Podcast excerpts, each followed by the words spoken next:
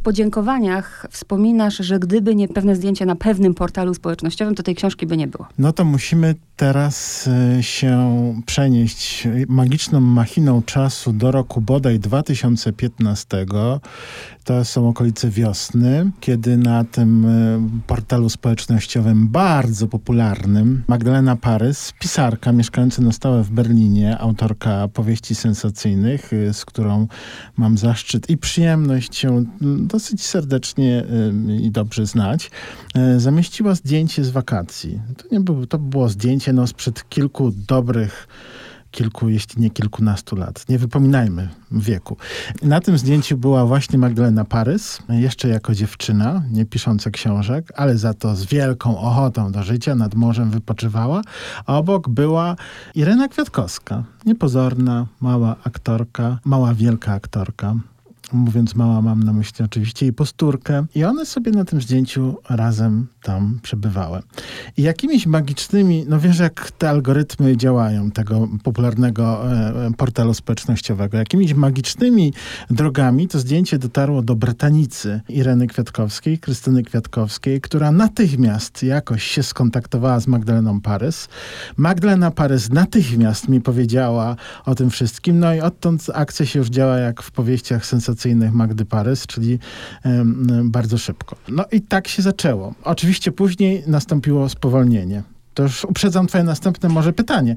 Nastąpiło spowolnienie, no bo jak się poznaliśmy już e, z Krystyną Kwiatkowską, bratanicą Ireny Kwiatkowskiej, kompozytorką, którą pewnie część może znać, na pewno zna e, poprzez piosenkę Zuzia Lalka Nieduża, no to na początku z taką rezerwą się trochę obwąchiwaliśmy jak nieznajome psy.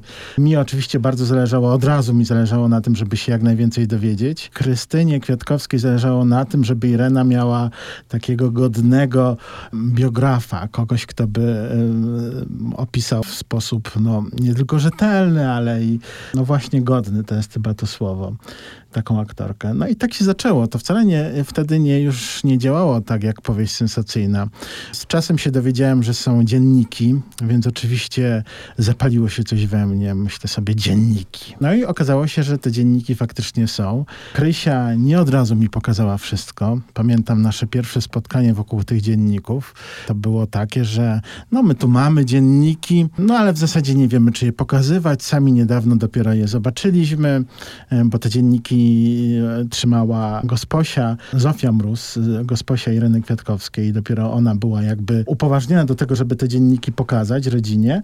Więc oni zaczęli czytać, a w zasadzie one, czyli Krystyna i jej córka Dorota Jarema, z taką rezerwą. Najpierw zaznaczyły mi papierkami, pamiętam takie strony, zobacz sobie tu, tu i tu. Wiesz, dostajesz dwa notesy, grube bruliony dzienników, chcesz się na nie rzucić i przeczytać je od razu, pożreć je, ale nie, nie, najpierw pięć stron. No ale potem przy kolejnym spotkaniu i przy kolejnym coś się zaczęło przełamywać. No ale to też się poznawaliśmy trochę bardziej z, z Krystyną. Ja poznawałem Krystynę, ona mnie, dużo rozmawialiśmy. Też zaczęło się w mojej głowie kiełkować, o kim chciałbym napisać i myślę, że Krystynę Kwiatkowską przekonało, że, że chciałbym pokazać człowieka. Bardzo ci dziękuję za tę książkę, ale wczoraj jak ją skończyłam, to miałam taki naprawdę mętlik i zaraz powiem dlaczego. Ale chcę jeszcze wrócić do, do tych dzienników i do wywiadów. Irena Kwiatkowska dbała o to, żeby za dużo o sobie nie mówić.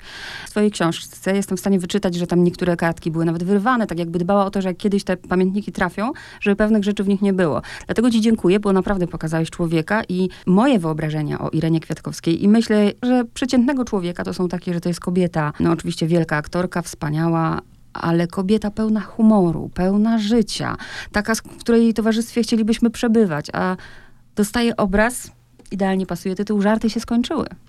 Irena Kwiatkowska z żartami w życiu prywatnym mało ma wspólnego, ale zacznijmy od samego początku, od dzieciństwa, bo gdzieś mogę powiedzieć, że bardzo duży wpływ chyba na to, kim była Irena Kwiatkowska i o jej pesymizmie życiowym, tak, proszę Państwa, pesymizmie, jej matka na to wpłynęła? Powiedzmy o matce parę słów. No, nie były to łatwe relacje, bo to tak należy nazwać. Jej mama na głowie miała bardzo dużo, miała wychowanie dzieci przede wszystkim i cały dom.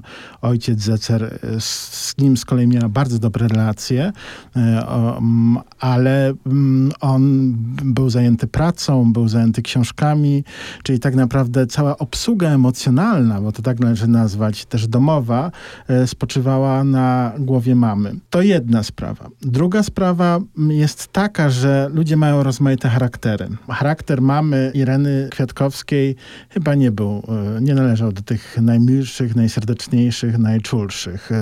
Z tych przekazów, do których udało mi się dotrzeć, no i z tego, co Irena zapisała w swoim dzienniku, wynika, że raczej była osobą chłodną, raczej kimś, kto nie dowartościowywał, ale gasił, jakbyśmy dzisiaj powiedzieli.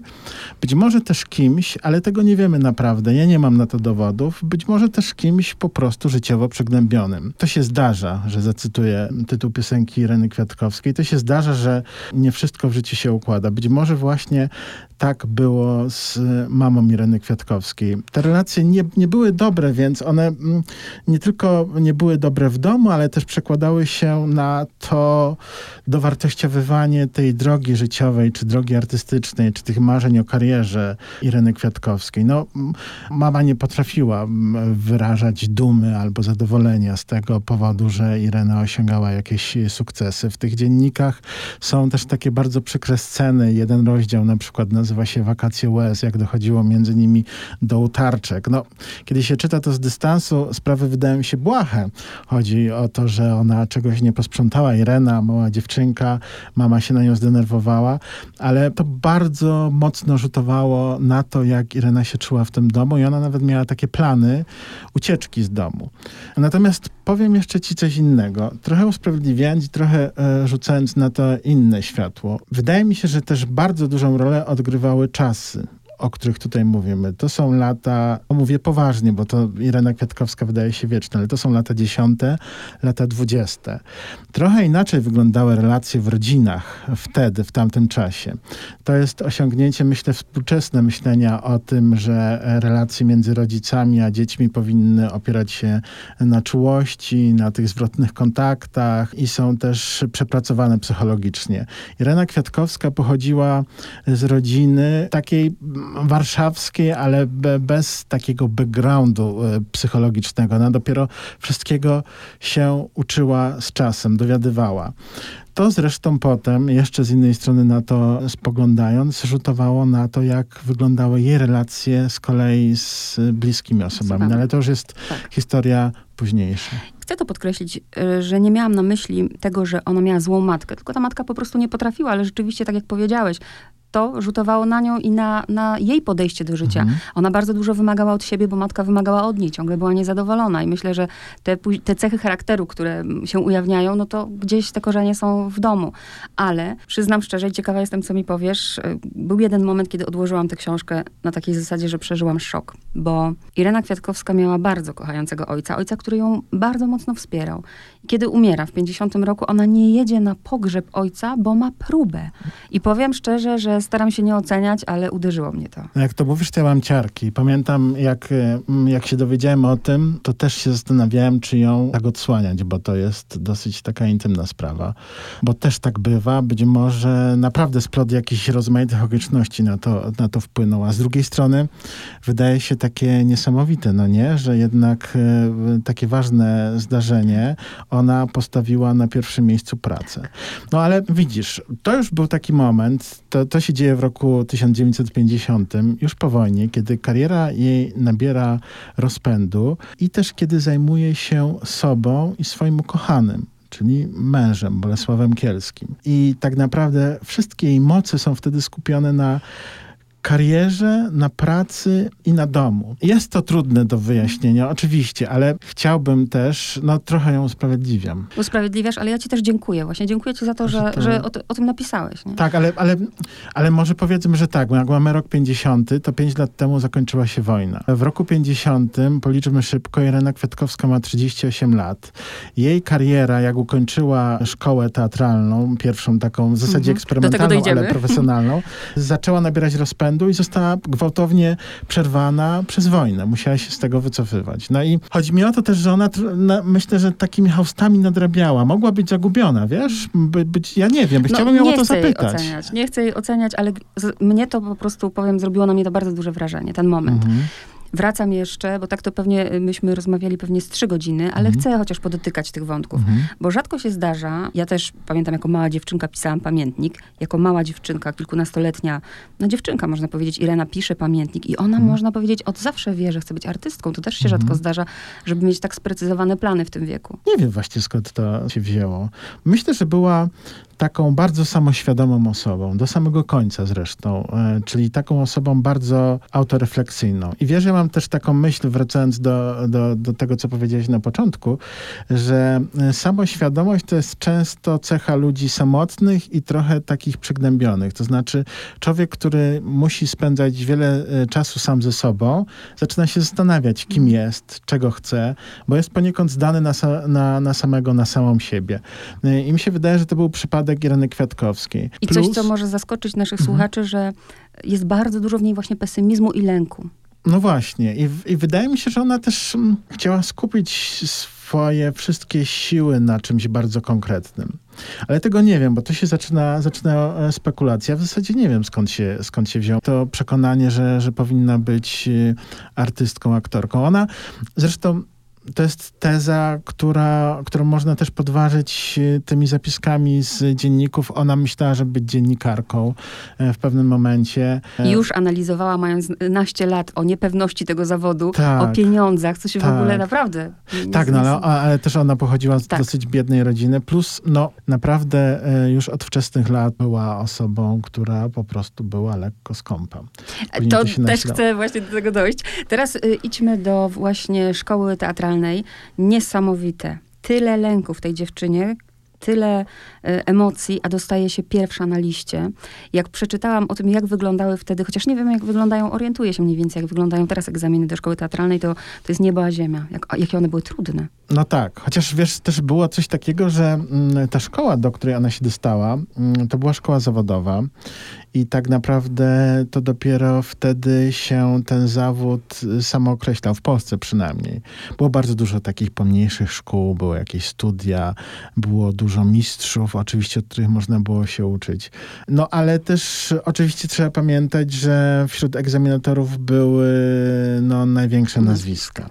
I to byli ludzie wymagający z innej gliny i z innej materii. Nie chcę teraz mówić, że, że teraz obecnie egzaminatorzy tacy nie są. Myślę, że są mniej więcej tacy sami, ale czasy trochę pchają w inną stronę. Wtedy ten zawód samookreślał się, był też oczywiście, mówiąc tak metaforycznie, atakowany z różnych stron, bo teatr się zmieniał, za chwilę miał się pojawić na wielką skalę film. Też bardzo ważna zaczynała być rola e, wizualna poprzez zdjęcia, poprzez ten e, system gwiazd, Hollywood i tak dalej. E, więc Irena Kwiatkowska naprawdę w takim bardzo ciekawym momencie zaczęła te swoje studia. No ale była oczywiście gruntownie przygotowana też z, z wielu różnych e, z wielu różnych stron. Ona bardzo dużo czytała, e, więc ta literatura to Posługiwała coś... się językiem biegle angielskim i francuskim zresztą Posługiwa... czytała, tak. tak, tak. Posługiwała się francuskim, dzięki czemu kodowała swoje romansiki w pamiętniku. No i... A była kochliwa, to trzeba przyznać, że te, te tak, miłostki tak, się pojawiają. Natomiast nie, by, nie była taką idealną kandydatką to trzeba jeszcze Oczywiście. dodać, bo e, ona od początku też wiedziała, to jej mówiono i też mówili jej na studiach, jej mistrz Zelwer, czyli Aleksander Zelwerowicz, mówił jej, że no, nie ma tych warunków zewnętrznych, jak to się mówi, nie była, nie była pięknością wymagająca też w momencie, kiedy przecież jest najlepszą studentką, bo była perfekcjonistką i tak się boi każdego kolejnego roku. Mm, wspominasz też na, na kartach swojej książki o okresie, o którym ona nigdy nie chciała mówić, w wywiadach nawet, czyli wojna tego, czego doświadczyła, e, gdzie pracowała, co widziała, no i doświadczyła też głodu. Ja też pomyślałam, że to też później to skąpstwo mogło też z tego wynikać. No tak, to, to ją myślę bardzo też ukształtowało. Zwłaszcza jak sobie myślę, że to był taki czas w jej życiu chyba, w którym się najwięcej dzieje, to znaczy zaczynasz się konfrontować z tymi swoimi e, marzeniami i oczekiwaniami. Ona ma wtedy 30 lat, koło 30 jest powiedzmy 20, 20 kilka, 30 kilka. No i nagle takie coś jest odcięte od wszystkiego, więc mi się wydaje, Gdzie że... zaczyna się ta cała przygoda, nie? To musi być przerwana. Tak, tak. I mi się wydaje, że to też jakby na nią tak, tak po prostu życiowo, życiowo wpłynęło. Myślę sobie też tak, mam taką, taką cichą nadzieję, bo ona, bo z Ireną jest tak, że ona o wojnie, jak wiele osób, które przeżyło wojnę, nie lubiła o tym mówić. Wiesz, bo umówmy się, nie to ma się do czego... wypiera. Nie ma, tak, nie ma do czego wracać, o czym wspominać. Anegdotyzowanie jest dosyć problematyczne. Historyków to oczywiście interesuje, ale dopiero od niedawna zaczynają się zajmować takimi sprawami życia codziennego, jak głód, bieda i tak dalej, a normalnie to jest przecież historia wielkich bitew i, i panów e, na H na przykład. E, więc um, dopiero teraz to się zaczyna odkrywać i ja myślę, że Irena Kwiatkowska by powiedziała więcej, no już nie zdążyła. Ale liczę też na to, że ta książka być może wydobędzie jakieś wspomnienia e, ludzi, m, którym ona się zwierzała, czasem przypadkowo, bo Irena Kwiatkowska miała taką paradoksalną cechę, że ona m, tym powiedzmy ważnym osobom, czy tym oczywistym osobom, o którym się powinno mówić, nie mówiła wszystkiego. Natomiast zdarzało jej się bardzo często, niby właśnie przypadkowym, nieprzypadkowym osobom, gdzieś tam z jakiegoś czasem e, tła, E, mówić. Co zresztą chyba też jest takie psychologicznie prawdopodobne, prawda? Czasem często nam powiedzieć wprost jakiejś mhm. bliskiej osobie coś bardzo ważnego, a później tacy dociśnięci sytuacją potrafimy opowiedzieć wszystko siedząc w przedziale pociągu. No więc z Ireną Kwiatkowską, obcej osobie, no więc z Ireną Kwiatkowską myślę było podobnie. Mm, być może się tak zdarzy, że jeszcze się czegoś dowiemy o tej wojnie. Pominałam też bardzo ważny fragment dla mnie w tej książce. Fragment, w którym opisujesz, kiedy Irena ma 14 lat i mm, obok 10 lat starsza jej siostra Jadwiga rodzi dziecko. To jest bardzo mocny fragment w tej książce. Poród jest długi i bolesny i w tym momencie ona zapisuje w pamiętniku, że nie godzi się na taki ból i postanawia nie mieć dzieci.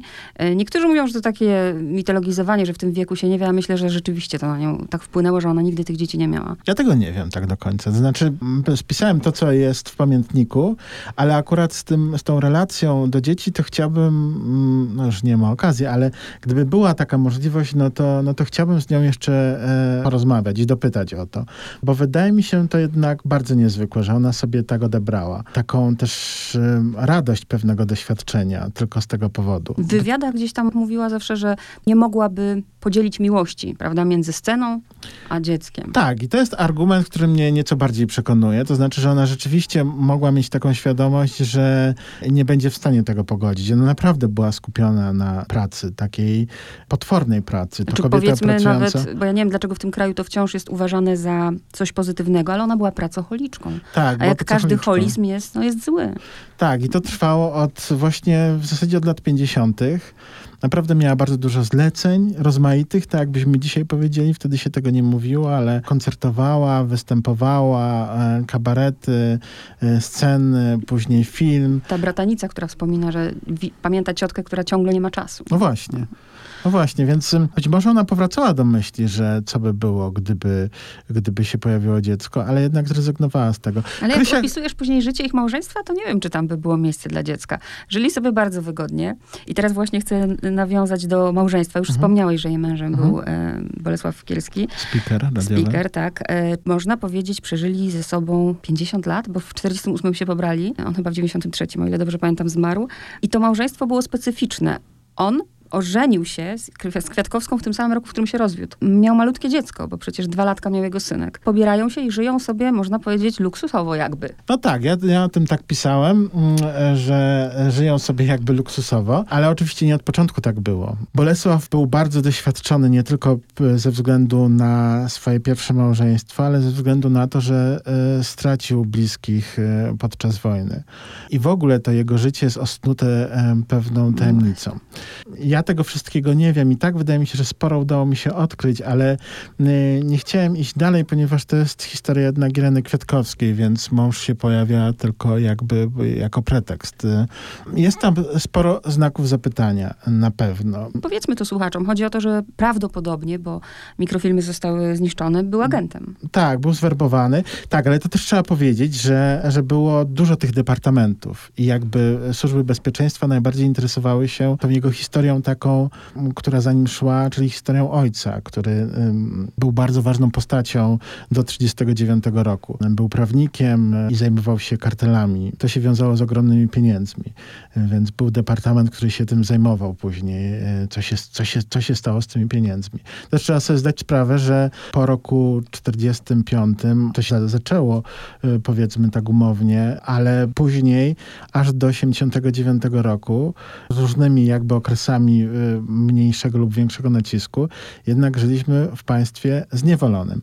Więc pewne sfery były kontrolowane. Mnie to też fascynowało z tego względu, że mm, oczywiście Irena Kwiatkowska nie mogła o tym wiedzieć bo to było niemożliwe. Wytłumaczył mi to profesor Jerzy Eisler, e, z którym konsultowałem tę sprawę, który jest wybitnym specjalistą w, e, od, od, tego okresu historii Polski. I to jest niesamowite, bo, bo jak sobie pomyślisz o tym, że żyjesz bardzo blisko dla kogoś, z kimś, kto jakby trzyma taką tajemnicę, to też takie y, cie, ciary przychodzą. A ja się zastanawiałam, właśnie myślałam, że niemożliwe, żeby nie wiedziała, bo do, doskonale powiedziałeś, że, że było to państwo zniewolone i przecież ona jako aktor aktorka, owszem, musiała mieć bardzo poważne powody, to były występy, jeździła, ale jeździła z mężem za granicę, zwiedzili cały świat.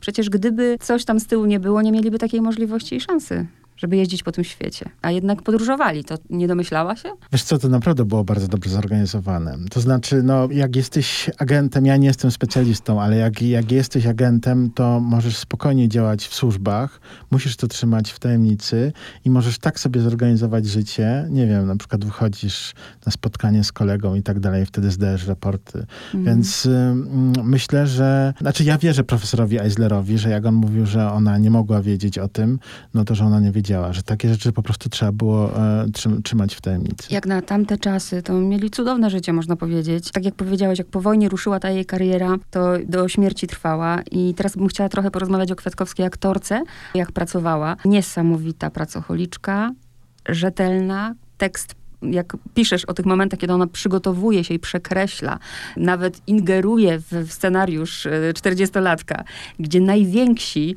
nawet jej ulegają, tam chyba jest ten fragment z Munarskim, prawda, który odłożył słuchawkę, bo mu powiedziała, że tekst jest niedobry, a żona mu powiedziała, no coś ty, nie? I odzwania, bo Kwiatkowskiej się nie odmawia. Jaką ona musiała mieć siłę przebicia, że się wszyscy jej kłaniali, bali. Mm, taka była. No wiesz, ona też, pamiętaj, ona była bardzo szanowaną osobą już wtedy. Była naprawdę taką, im, im później, tym bardziej nestorką, tak można powiedzieć. Była też ukształtowana z takiej gliny właśnie solidności. No, powiedziałbym przedwojennej gliny, ale powiedzmy, myślę, to trwało do około e, lat 50., bo później się skiepściło i to słychać w języku i w twórczości. No, no ten stalinizm w różnych odmianach bardzo przeczołgał też kulturę.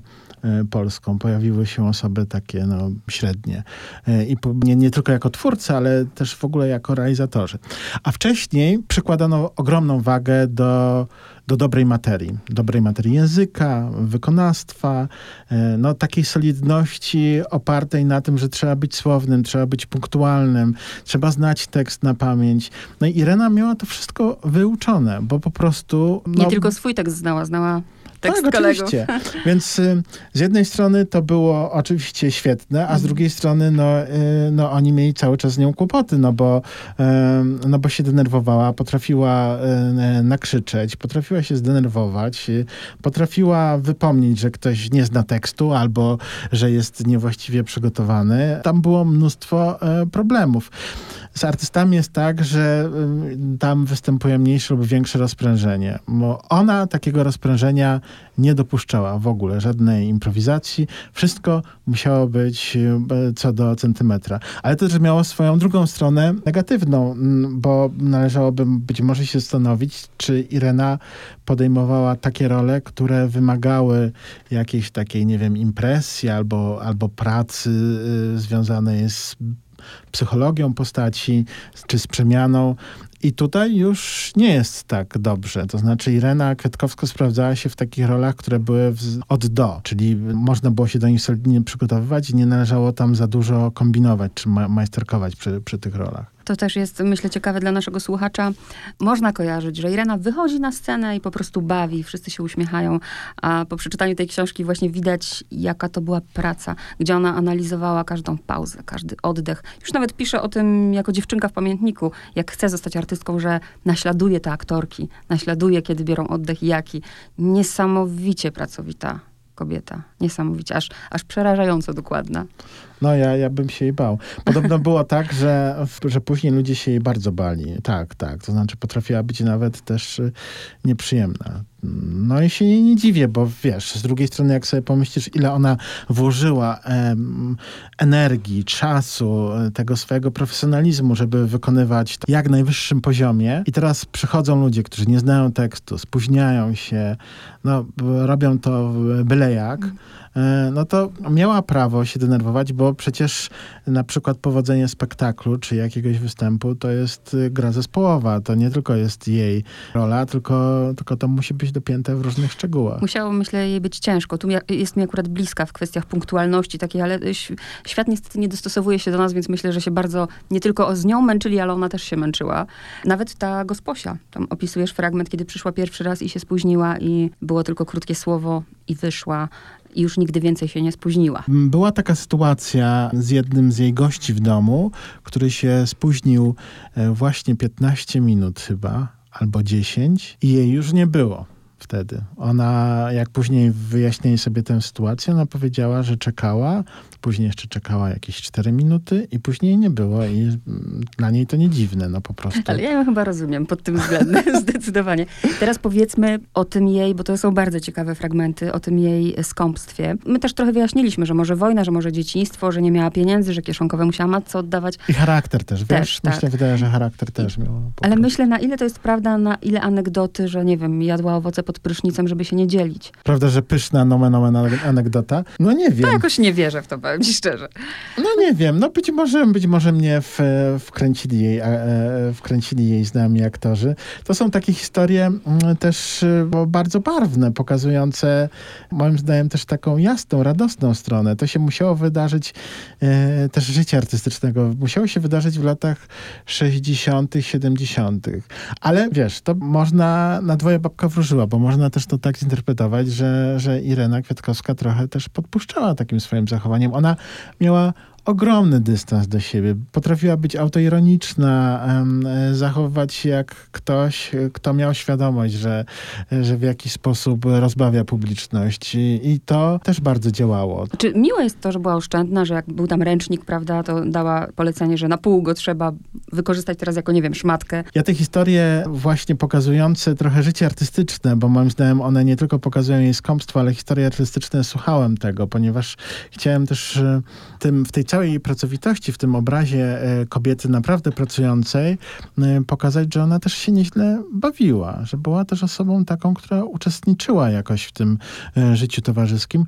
Chociaż bardzo dużo osób mówiło, że była taką osobą zdystansowaną, raczej gdzieś z boku. Tak, ale też tego do końca nie, nie wiem, bo jest na przykład taki trop, którego nie udało mi się zgłębić, ale w jednym z wywiadów mówi Irena Kwiatkowska coś takiego, i to jest e, interesujące pod tam pewnym względem, że popadała już w alkoholizm. Tak, podobno raz tylko o tym gdzieś wspomniała, że nawet nie, że popadała, ale miała już z tym problem, tylko po prostu wiara jej pomogła. Wiara jej pomogła, mhm. dokładnie. Tak, tak, tak to właśnie było. A to ale mnie ja, nie dziwi, to jest typowe u artystów. Ale ja nic na ten temat więcej nie wiem. I też nie wiem, czy, czy Irena Kwiatkowska tego nie zmyśliła, ponieważ to już było w czasach, ja naprawdę bardzo podejrzliwie już od pewnego momentu czytałem te wywiady z nią, bo ona, zwłaszcza po sukcesie 40-latka, była bardzo przepytywana z różnych rzeczy i mam wrażenie, że ona często podpuszczała w tych wywiadach. Znaczy do, wymyślała jakieś historie, bo wiedziała, że, e, że jest zapotrzebowanie na to, by Irena Kwiatkowska była osobą ciekawą i przepytywaną.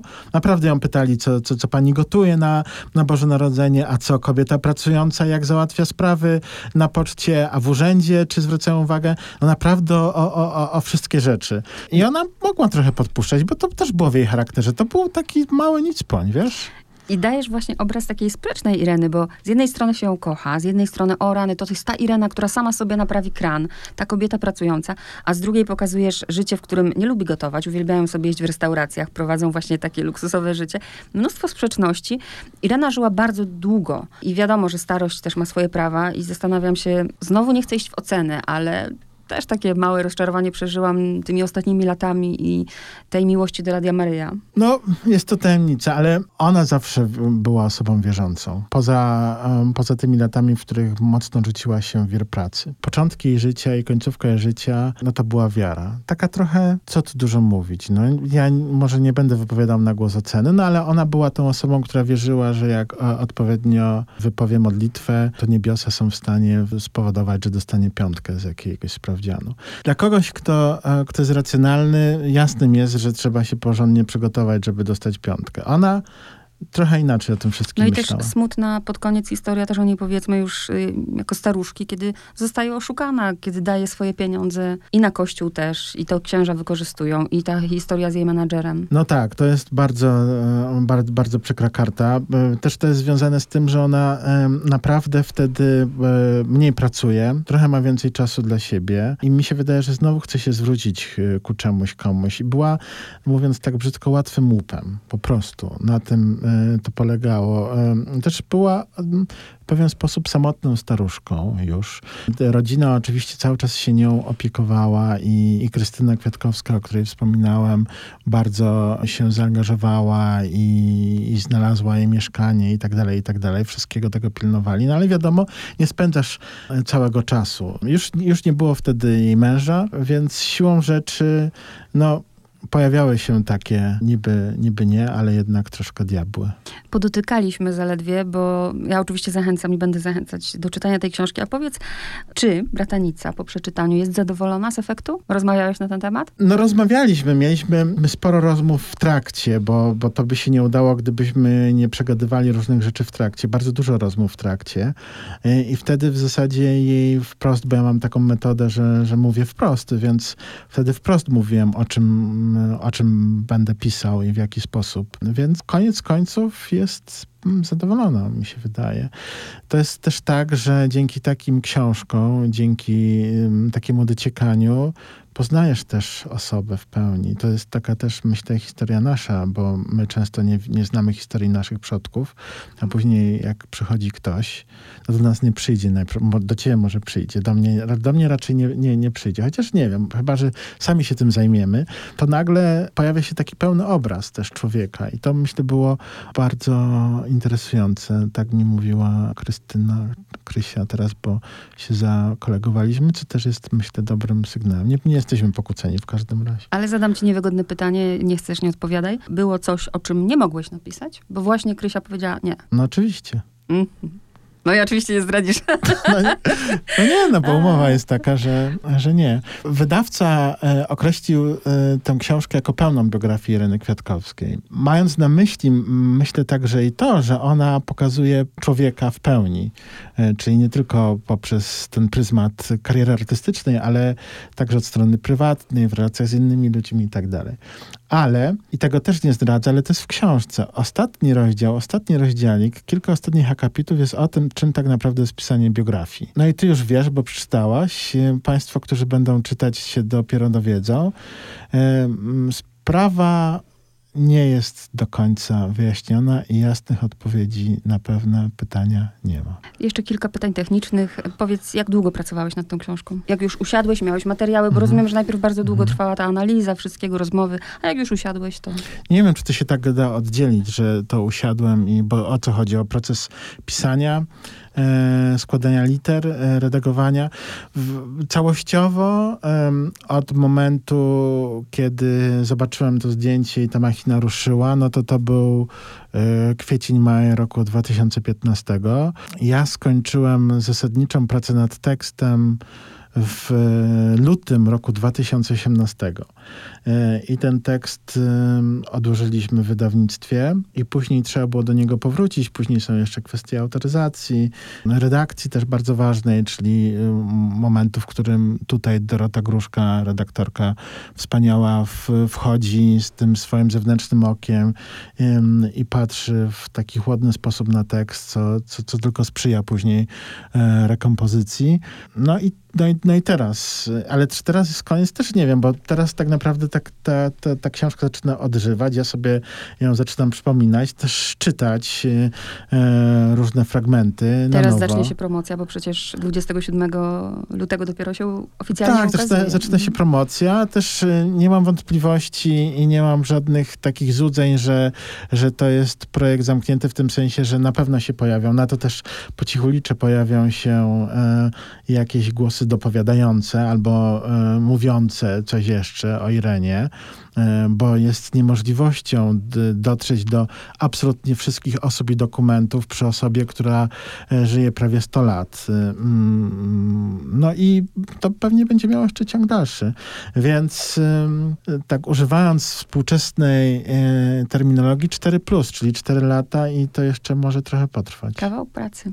Ja w dzieciństwie pamiętam Irenę Kwiatkowską, bo nie mówię już o tym, jak stawałam się dorosła i oczywiście odtwarzałam sobie czy kabaret starszych panów, ale w dzieciństwie to moje pierwsze spotkanie było plastusiowy pamiętnik. I pamiętam teatr telewizji z Hanną Śleszyńską. Nie pamiętam tytułu. Upiór w kuchni. Nie wiem, czy pamiętasz taki teatr telewizji, gdzie one z córką mm, wykańczały facetów. No rewelacyjny. Czy ty masz jakąś e, ulubioną swoją e, Irenę Kwiatkowską w którejś z ról? Teraz słucham bardzo dużo jej piosenek. Bardzo lubię piosenkę To się zdarza. Teraz sobie ściągnąłem do auta e, prysły zmysły i naprawdę e, na, na, na całe gardło głośnikowe śpiewamy razem z Ireną. Jeśli chodzi o rolę, no ja ją bardzo lubię i chyba tak ją zapamiętałem w Zmiennikach, bo to jest też moje, e, moje, moje, dzieciństwo. To, to jest połowa lat 80.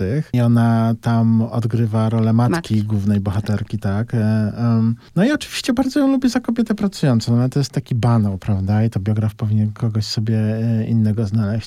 Ja już nie, nie mam takiej Ireny. Bardzo chciałbym, ale na razie nie jest to dostępne. Bardzo chciałbym zobaczyć tę Irenę przedwojenną w ruchu.